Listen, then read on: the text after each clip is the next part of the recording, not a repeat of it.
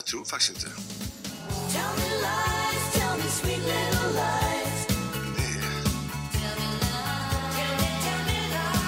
Oh. Jag tror faktiskt inte.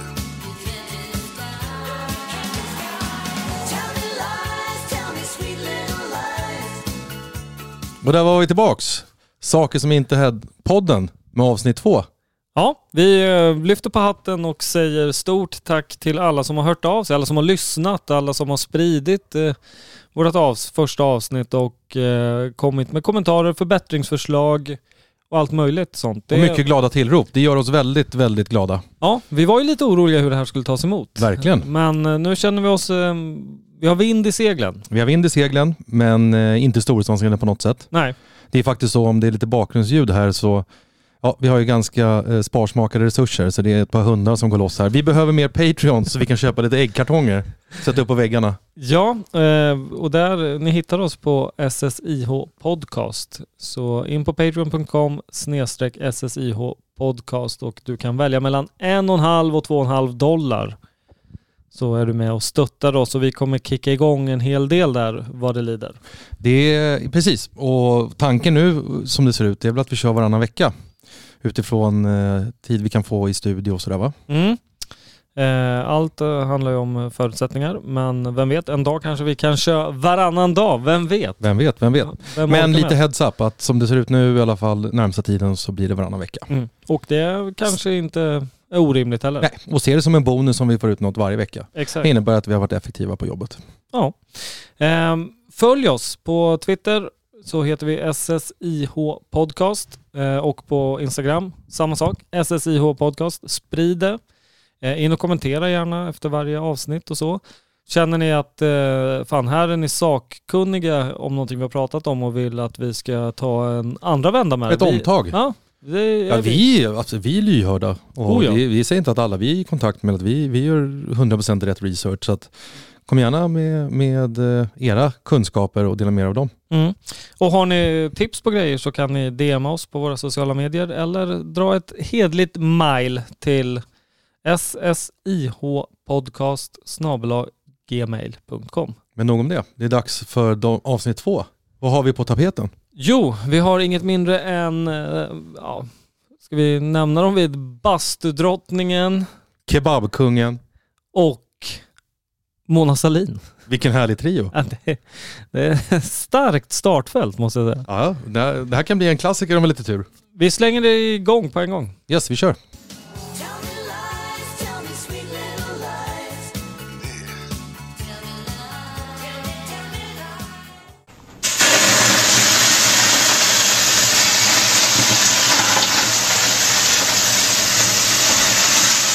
Det där var alltså den 21 januari hemma hos Anna Bok, Erik. Yes, denna eviga källa till glädje får jag säga. Det får man säga. Ja. Eh, tydligen hade hon en av årets dittills bästa dagar. Det Mm. var promenad med familjen. Jajamän. Det var lite ansiktsbehandlingar, kroppsvård, ansiktsvård. Det var peeling, det var ansiktsmask, det var bodyscrub och fila fötter. Det var mys i, till, i bara tio minut, verkar det ha varit. Till och med så var det schampo och balsam gånger två. Mm, vilken, vilken lyx. Här unnar vi oss. Här känner man att man inte eh, tar hand om sig själv på samma nivå. Nej, men vi lämnar det osagt kanske. Eh, ja men eh, det verkar vara en toppendag liksom. Finns väl ingenting att klaga på, eller hur? Nej, Anna var jättenöjd. Familjen verkar nöjd. Ja, Men, men det fanns en följare som eh, ja, var väl inte super eller imponerad på, på fräset i bastun och kommenterade liksom Det låter som en bra dag men väldigt dåligt fräs i bastun. mm, Och det skulle personen inte ha kommenterat. nej. För då kommer en harang. Jag vet inte hur många tecken, det är inte värt att räkna dem riktigt ändå. Men, väldigt tydligt och snabbt så fastställs det att vi hade 135 grader varmt i bastun och det duger till oss. Bättre fräs blir det när man väljer att kasta på vattnet. Jag vill dock inte göra det nu när jag filmade. 135 grader på denna trevliga familjesittning med Vanessa Och och Roberto. det duger åt oss. Mm. Otroligt, det måste vara så harmoniskt att gå in i 135 grader. Ja. Känns det som att någonting har gått käpprätt åt helvete i 135 grader skulle jag gissa. Det känns väl också som att man inte behöver vara i bastusvängen för att liksom, varningsklockorna ska börja ringa på att fan nu närmar vi oss 100 grader. Det, det är sådär. Det är sådär, Och, och så exakt. lägger vi på 35 till. Det duger gott till oss. ja, att man har ju bastat några gånger i sitt liv. Och gå in där på landet och så har gubbarna tryckt upp den i 100 grader där. Fick man ju sitta och, och pina sig igenom. Men det här, det här var ingenting. Nej, det här var det dög. Hon har ju finskt eh, påbrå så det är kanske därför. Ja, för det här är ju inte första gången hon är i bastusvängen. eh, I, är det 2006 i samband med Let's Dance va? Mm. Så hamnar hon i en liten bastu-tävling mot bland andra Måns Zelmerlöw och några andra. Starkt startfält. Ja, jävla bra startfält. Eh, och där börjar ju psykningen tydligen i bubbelpoolen innan, Mm. men inget biter på Anna. För.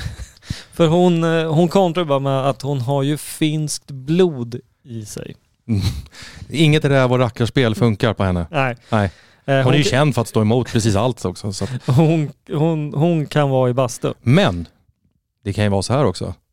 Det är ju herregud som hon säger. Det är ju faktiskt bastugrader. Mm. Känner du till bastugrader? Aldrig hört talas om det. Inte jag heller. Eh, vi vill ju gå till botten med det här och vi har ju...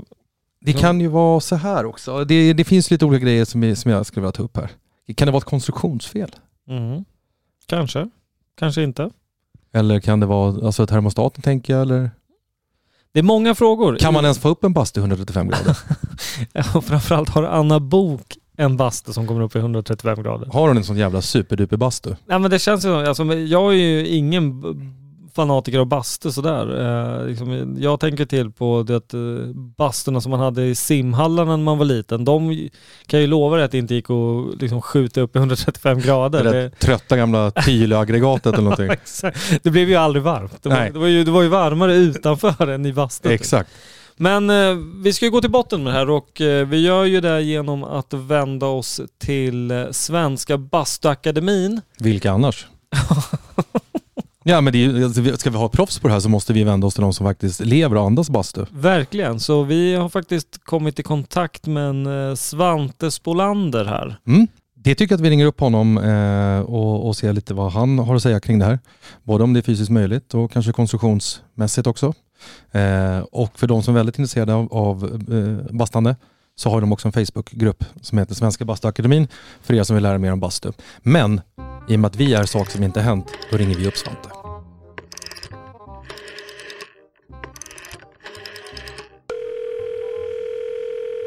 Svante.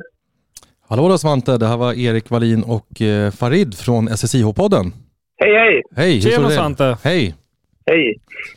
Du, ehm, vi, vi har ju klickat in oss lite på eh, Bastuakademins hemsida och eh, när man tittar på eh, vilka, med, eller vilka medarbetare som finns här i styrelsen så hittar man ju ditt namn och där står det ju det Svante inte vet om bastu är inte värt att veta. Säger du det? Det var ju en bra komplimang. Visst är det det? Ja, Bastuakademin är en ideell förening som bildades för, för 1988 redan, så vi har hållit på, hållit på ett tag här och, och eh, den bildades i en riktigt dålig hotellbastu där det var spikar i laven och inga ventilationer. Ja, och det var torrt och otrevligt bara. Så att eh, då bestämde vi ett gäng att nej, vi måste göra någonting åt det här och vi måste lära svenskarna att bada bastu på riktigt. Och vi är ju, en del av oss är ju här i Tornedalen här i, Kukkolaforsen där vi har vårt säte och, Mm. och vi är ju som födda i bastun för att eh, vi tillhör det finska språk och kulturområdet så här. Många människor föddes faktiskt i bastun så bastun har en lång, lång god historia och syftet med akademin det är ju att vi ska vårda och sprida god bastukultur. Så att, eh, Då har vi verkligen den, kommit rätt. den, missionen på, på, den missionen pågår nu och, och det är fantastiskt hur, hur intresset ökar i Sverige för, Ja, vad roligt. för en bra- bra bastu och man vill bygga fina bastu och man vill ha en hemmabastu som man har som en klenod för familjen och, och bekanta och så vidare. Så att, ja, det, det är bra. Men du, jag måste ju också säga, fråga så här. Jag har ju hört att du har ett epitet inom bastuvärlden, stämmer det?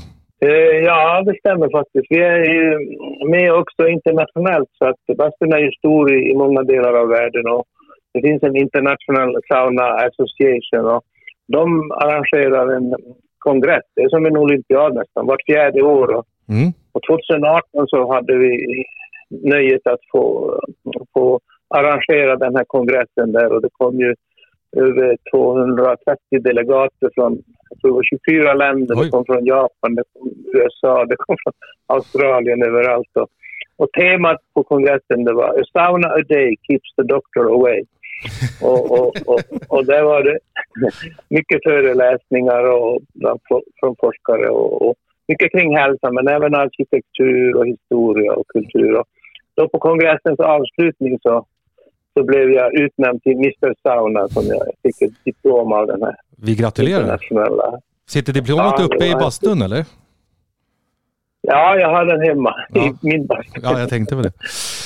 Eh, men det så här, vi ringer ju dig då för att vi undrar lite vad som är fysiskt möjligt när man bastar och lite sådana delar. Vi, som Erik nämner då, vi ringer ju på grund av den här liksom, personen som hävdar att eh, man har ba- bastat i 135 grader. Eh, vi som glada amatörer kan ju räkna ut att någonstans finns det en gräns där det går från ren och skär njutning till att liksom vara Tortyr. direkt livsfarligt. Eh, Om man har 135 grader så är det ju ingen fuktighet i den bastun och då, då, då känner man, då kan man vara kanske i den men, men eh, det är inte nyttigt. Det, det torkar ut slemhinnorna och, och, och, och förstör bastun också. Så att, nej, en bra bastu det ska vara en balans mellan fukt och värme och, och, och det är någonting som man ska själv pröva sig fram alltså. Men, Mm. men vi brukar säga att optimalt är så där kring 65-70 grader och sen att det är lika mycket fukt, 65-70 procent luftfuktighet, då, då, då biter det bra som man säger. Ja, känner du någon som har bastat i 135 grader? Nej, inte, inte, inte ens någon finne tror jag. Att, eh, Nej, då, då var det de, spikat. de, va? bru, de brukar vara lite extrema. Nej, 135 låter ju väldigt knasigt måste jag säga. Det, det, det är inte bra på skönbastu. Men men nu när vi ändå har Mr Sauna här på tråden, liksom rent konstruktionsmässigt då, Eh, kan vilken bastu som helst eh, komma upp i 135 grader eller kräver det sin bastu så att säga?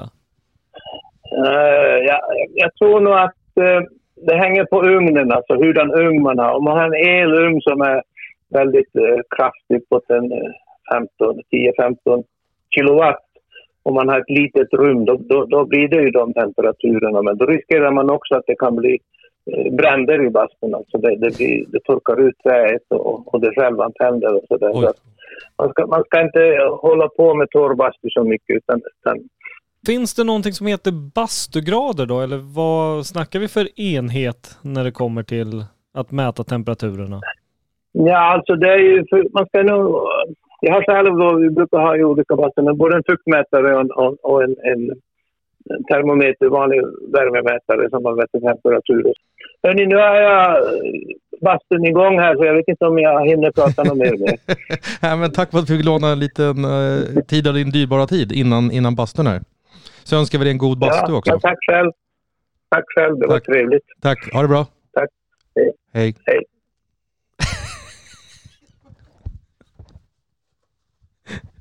Alltså Svante är ju kung.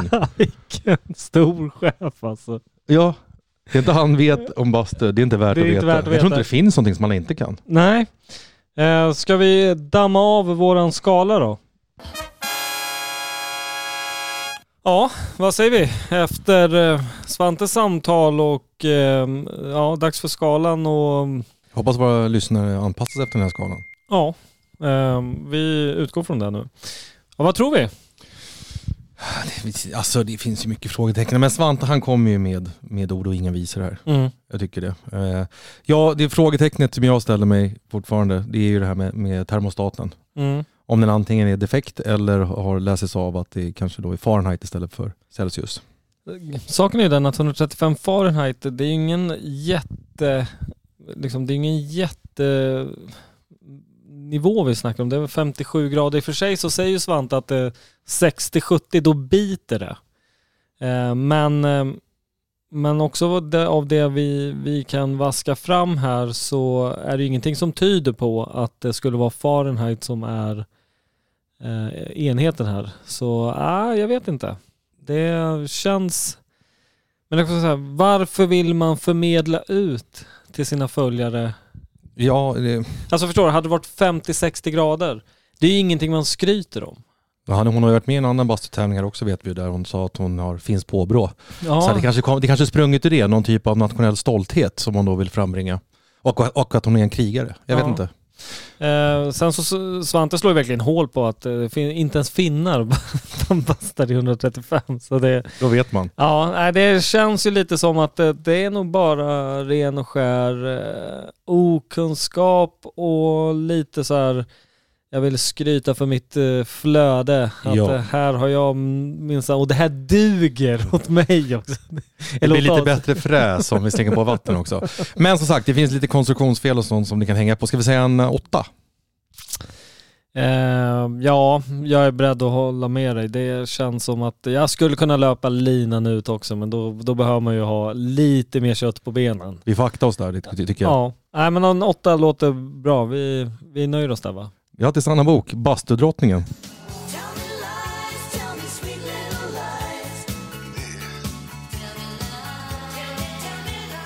One, go. This is how to cut a doner kebab like Turkish style.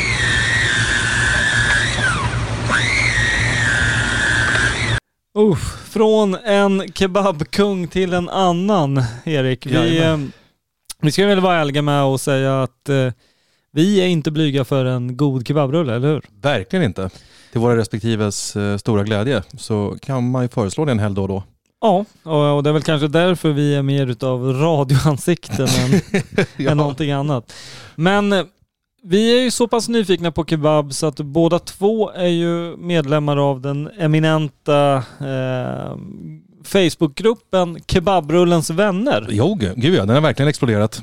Det, är- där finns det många förståsigpåare och eh, de recenserar kebabrullar väldigt minutiöst får jag säga, på ett bra sätt. Och det är ju tryggt och stabilt så man vet vad, vad det finns för kebab där ute i vårt avlånga land. Väldigt bra tjänst skulle man Mycket nästan bra. kunna säga. Eh, seriösa recensioner som du sa. Och, eh, nej, och, men det var en grej vi fastnade, eller som väckte vårt intresse för den här podden, eller hur? Ja, så är. Det- Det här är ju en kebabkung men det finns en riktig kebabkung. Ja, Och han skräder inte orden. nej. Eh, var ska vi börja? Ja, Giray Seropian eh, kommer in med dunder och brak i Kebabrullens vänner. Det här är ju lite av en kebabkändis också kan man säga. Det visste faktiskt inte jag där och då när jag läste det här. Nej. Men han kliver då in och eh, börjar ju starkt med att säga att det här är hans tredje kebab och det är hans första post i gruppen. Och ja, det, det är väl inte så anmärkningsvärt det. Eh, Förutom Men- att det är en tredje kebab för dagen. ja, jo men det är också fortfarande inte material för att vara med här. Nej, det är det inte. det, det, Men det börjar bra. Ja, det börjar bra. Eh, och han ehm, eh, tipsar om en kebab på, på ett ställe i Norrköping och det är här det börjar bli intressant. Eh, han menar på att han har ätit där över tusen gånger. Någon har gått sig lycklig på honom om det här stämmer i alla Ja, fall. men det, det är liksom så här. Ja, ja. över tusen, han har ju suttit alltså varje dag i tre år på ett och samma ställe. Och det sjuka är att han ger ju inte ens högsta betyg. Men ändå har han likt Han envisas med att gå tillbaks. Ja, Tror han försöker coacha kebablirarna där då? ja, möjligen. Det verkar vara... Verkar inte vara så, gå så bra i så fall då, men... Nej. Eh, det väcker ju många medlemmars eh, frågor här. Ja, alltså Eh, folk blir jätteglada att han är här. Han driver ju bland annat två restauranger, Meat och Stick, och har då ett Instagramkonto som heter Kebabspotting. Så att det här är ju en happening. ja. Men det är en användare som frågar liksom, hur, hur är det möjligt att dra fyra på en dag? Liksom, vad, vad, hur, ja, hur, hur går det till? Det kräver sin man, eller kvinna. Ja, och eh, Jirai eh, förklarar ju att det här är hans passion. Det här är liksom ingenting han, han bara gör, utan det här lever han för. Han andas och lever kebab. Ja. Eh, och då nämner han ju sin, sitt Instagramkonto med, med kebabspotting och ja, användaren då som har ställt frågan svarade att han är imponerad. Men han ger sig inte där heller. Nu har han fått lite luft under vingarna här. Ja, för han säger det att eh, ja, det här var väl inget. eh, rekordet ligger på 18 kebabrullar på ett dygn. Det är helt makalöst. Det är helt sjukt. Där stannade vi till. Då fick han vårt fulla intresse. Då ringde jag dig. Ja, Nu jävlar. Nu, nu har vi material här. Eh, och då börjar vi kolla upp det här lite. Mm. Och det visar ju sig att han var med i Morgonpasset eh, i november 2015. Mm. Och vi har en, ett kort litet utdrag från hans eh, medverkan där. När man har ätit så mycket kebab, mår man verkligen bra? Ja, det tror jag, hoppas jag. Eh, Så mycket. Hur, mycket. hur många kebab har du ätit genom ditt Under liv? åren? Ja. Ja, jag har försökt räkna men Ja. eh, det är ju... Det går ju så långt Ryktet tillbaks. säger 5000. ja, det är det vi har Ja, slängt det är oss med. någonstans Det är där. någonstans Ja, där. det måste det vara. Jävlar. Men varifrån kommer intresset? Starkt. Tycker du att han tycker du att det osar självklarhet när han säger, liksom när de börjar snacka om 5000? Ryktet tillbaks. säger 5000. Ja, det är det vi har Ja, slängt det är oss med. Det är där. någonstans Ja, där. det måste det vara. Ja, någonstans där. Ja, men han är ju bombsäker på det. Någonstans där. Ja. Kanske lite underkant till och med. Ja. Är Lite, lite match över det hela fortfarande. Ja, det tycker men, jag. Men här skulle vi kunna stanna och bara säga "Oj, det, det här är ju helt otroligt. Det måste vara ett världsrekord. Ja. Eh, det stannar ju inte här. Nej, det gör inte det. Utan eh, vi kollar ju vidare vad vi hittar på Jirai och eh, nästan exakt fem år senare, Mm. alltså november 2020, så finns han med i en artikel på food, eh, stockholmfood.com eh, med rubriken Jirai Seropian a.k.a. Kebabspotting. Eh, där ställer de frågan, hur många kebaber har du ätit gissningsvis? Vad säger han då? Cirka 10 000. Han har växlat upp. Han har haft en formtopp under ett par år. Han kan ju inte ha gjort något annat sedan november 15 alltså. Han bara tryckt kebab. Men, Nej, han, eh, han vidareutvecklar ju det. Eh, Typ en till två om dagen i hela mitt liv sedan jag var 13 år. Och, och det kan man ju tycka... att bra det, pannben. Ja. Men det blir ju sjukare. Det blir ju det. För de här en till två om dagen, det gäller ju bara inom rikets gränser. Jajamän, för sen drar han på träningsläger utomlands. På internationellt vatten. Och vad, hur många mular han i sig då på en dag? Ja, enligt egen utsago så är han ju uppe i 10-15 om dagen. Under kanske en veckas tid. Ja. På, på träningsläger någonstans då. Det är Jävla, otroligt. jävla kul att dra till Lanzarote med honom en vecka. ja, vad gjorde ni här? Vi käkade kebab. Ehm, och, och det här tror ju vi är lite halv eh, shady va? Mm.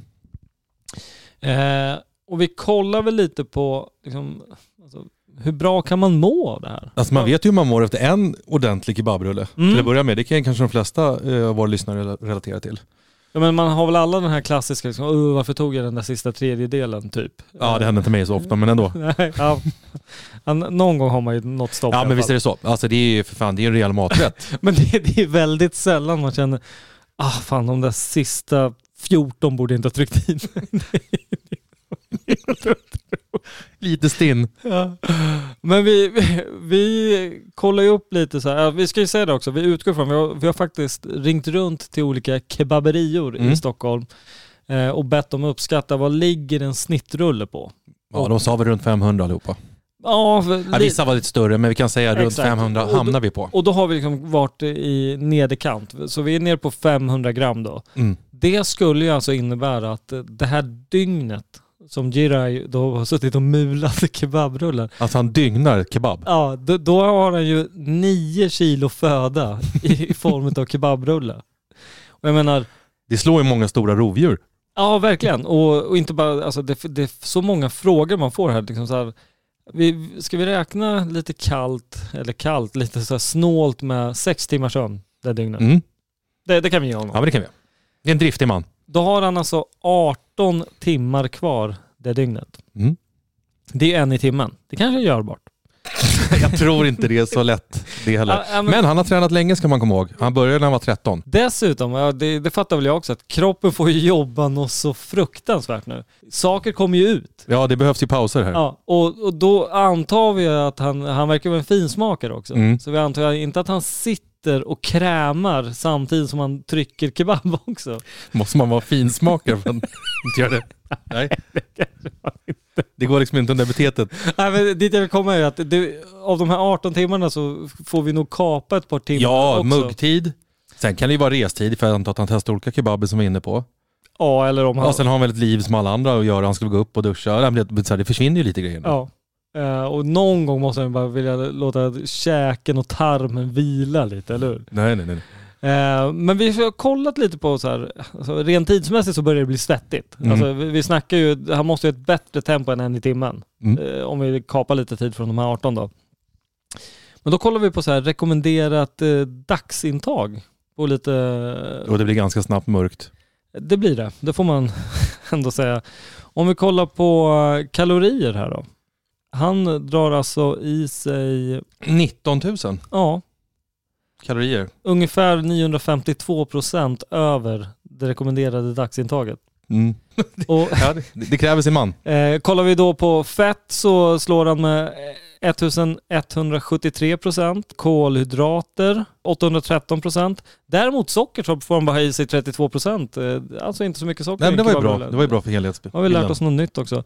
Eh, protein så slår han också i taket får man säga. 1473 procent över. Och när det kommer till salt, 1247 procent över rekommendationen i salt. Det är obra. Ja, men man kan väl ganska snabbt när man summerar det här säga att det är lite mer än hälsovådligt. Ja, och man, eller? Jo, men verkligen. Ja. Och så liksom, kokar man eh, ihop det här då så eh, snackar vi 614 procent av det totala liksom, eh, eh, rekommenderade dagsintaget. Ja.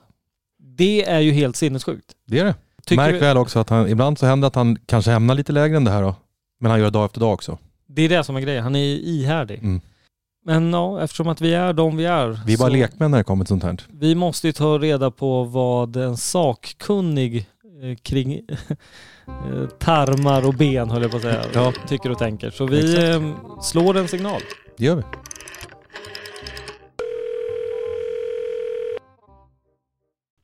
Mikael Sandström. Hejsan Mikael och välkommen till SSIH-podden. Hej! Vad väger den här personen? Eh, personen skulle jag säga väger omkring, eh, ja men säg 75-80. Ser ganska välsvarvad ut. Då är det lögn. Oj, snabbt. ska, ska vi försöka Du- eh, vidareutveckla det?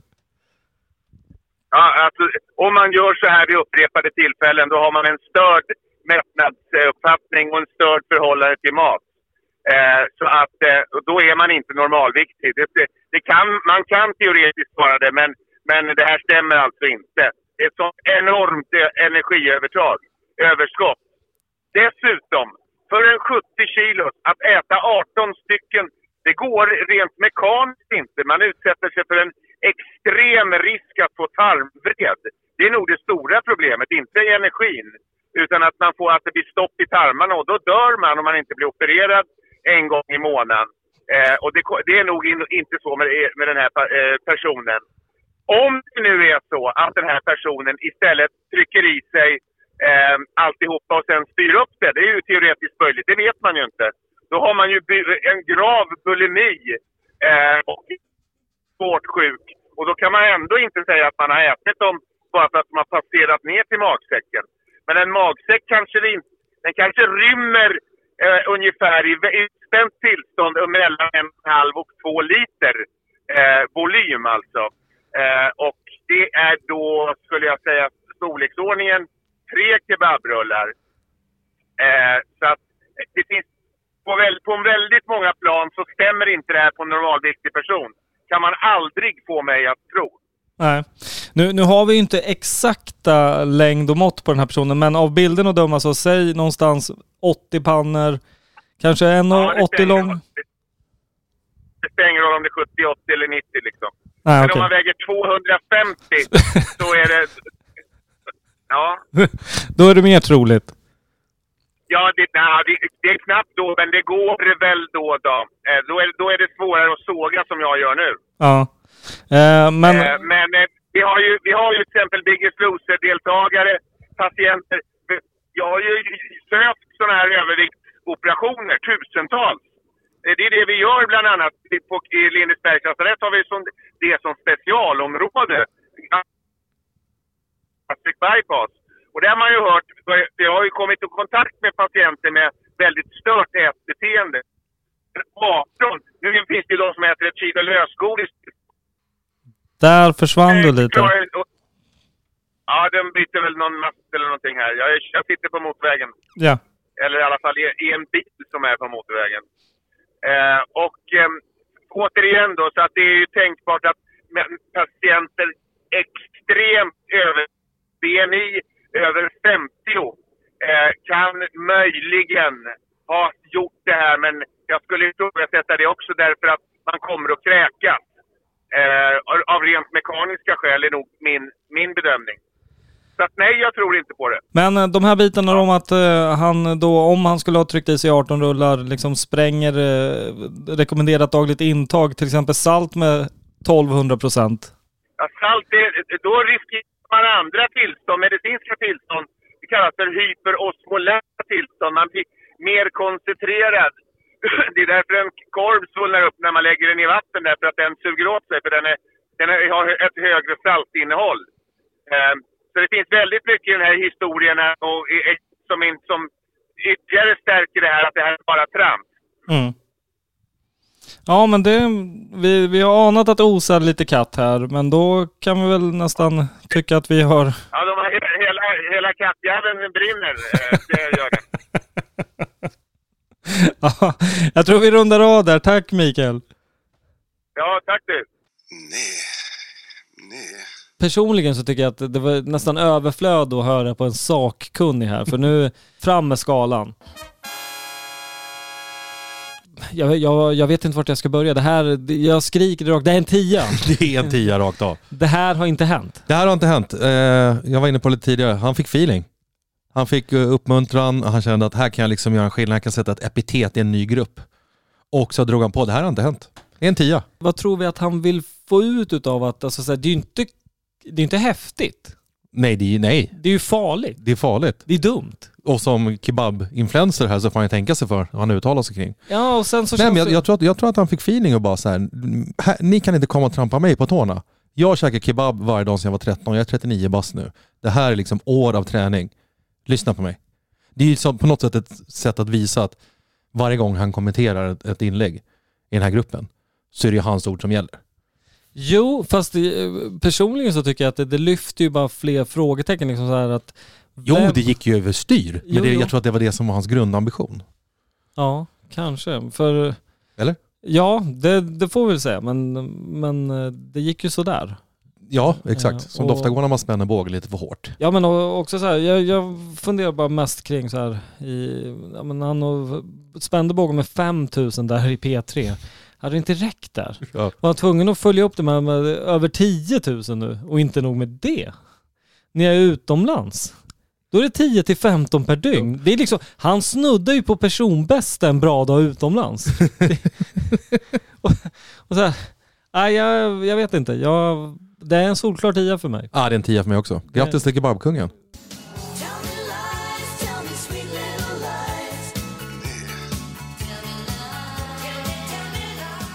Du vet, vi fick ju alltid ha lite aktualitet här i podden också. Så är det. Yes, och eh, med stor sannolikhet så finns det ju en anledning att vi kommer komma tillbaka till politiker fler gånger. Det brukar ju skarvas och sägas både det ena och andra där. Ja, de ljuger väl mer än vad de håller vad de lovar. Det är kanske så så det ligger till, förmodligen.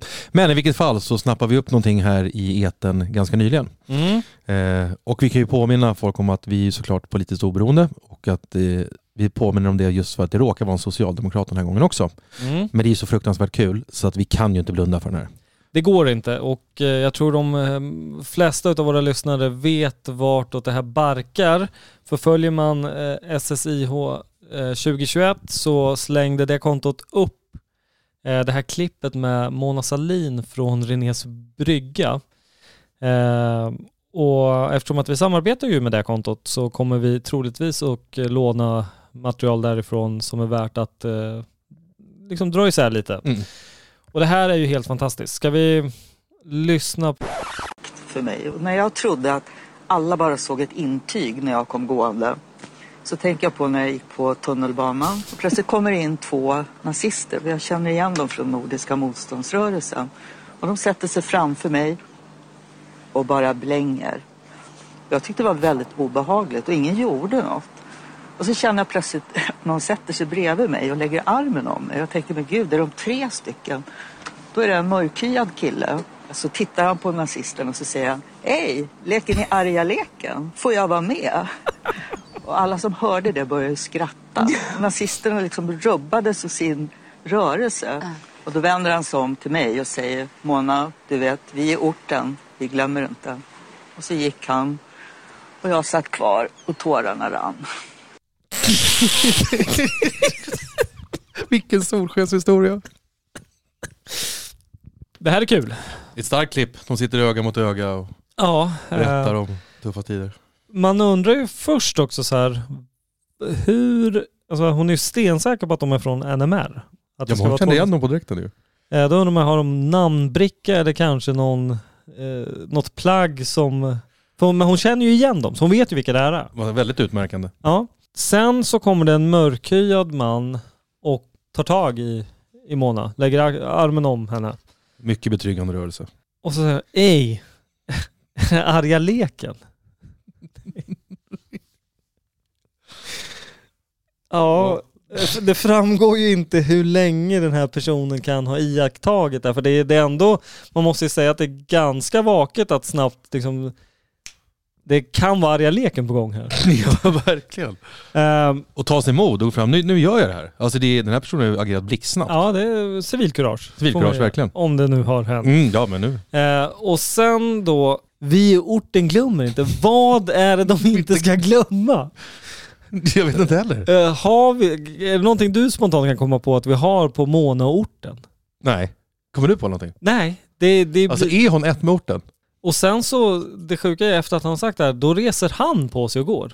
Men det, det Ja, han, men han visste ju att hela situationen var över nu. Aha, så, så, så de här blängande nazisterna då, de ska bara ha slutat blänga och slutat vara nazister då? Satt de kvar framför varandra på tunnelbanan nu? Jätte- När tårarna rann? Ja, det, Eller vad, vad gick inte Mona då också? Eller? Nej? Nej, hon fortsätter åka. Och NMR, Hon var ju så jävla... NMR-gummarna där också, de satt kvar bara. Ja. Allting var som bortblåst.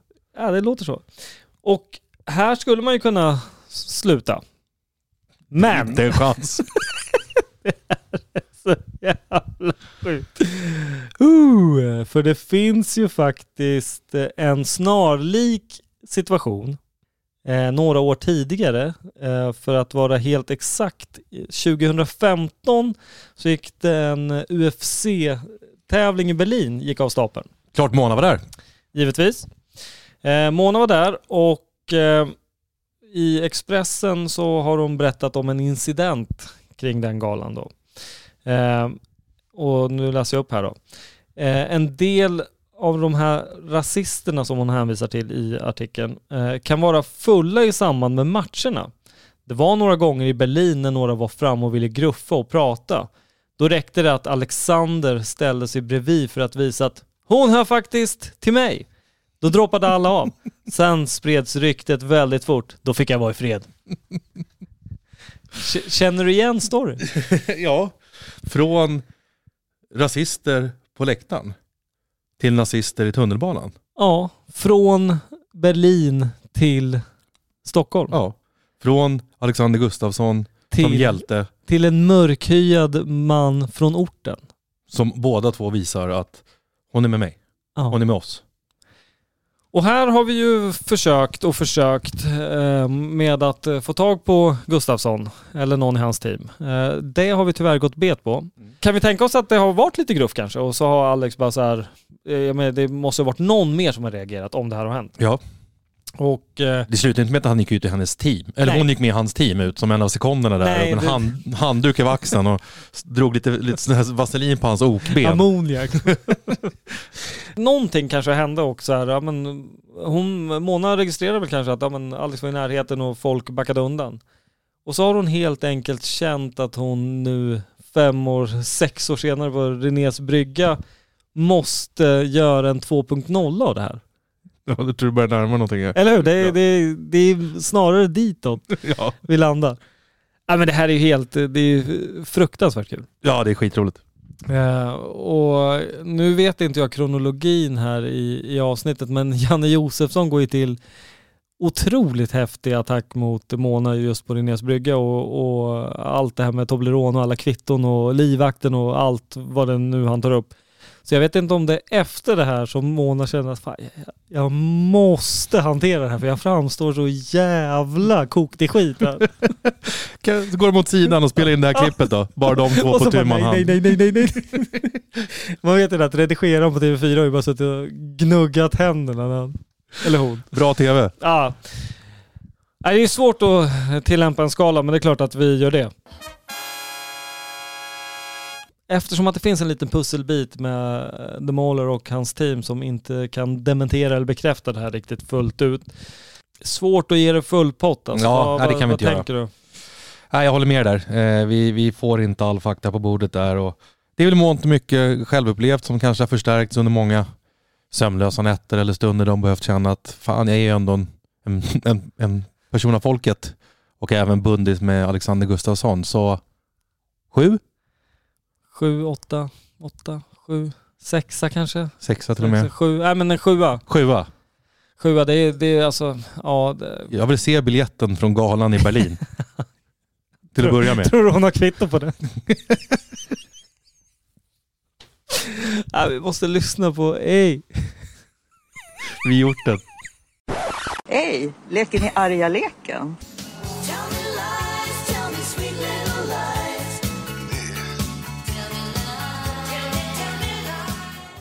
Ja, det var andra avsnittet Erik.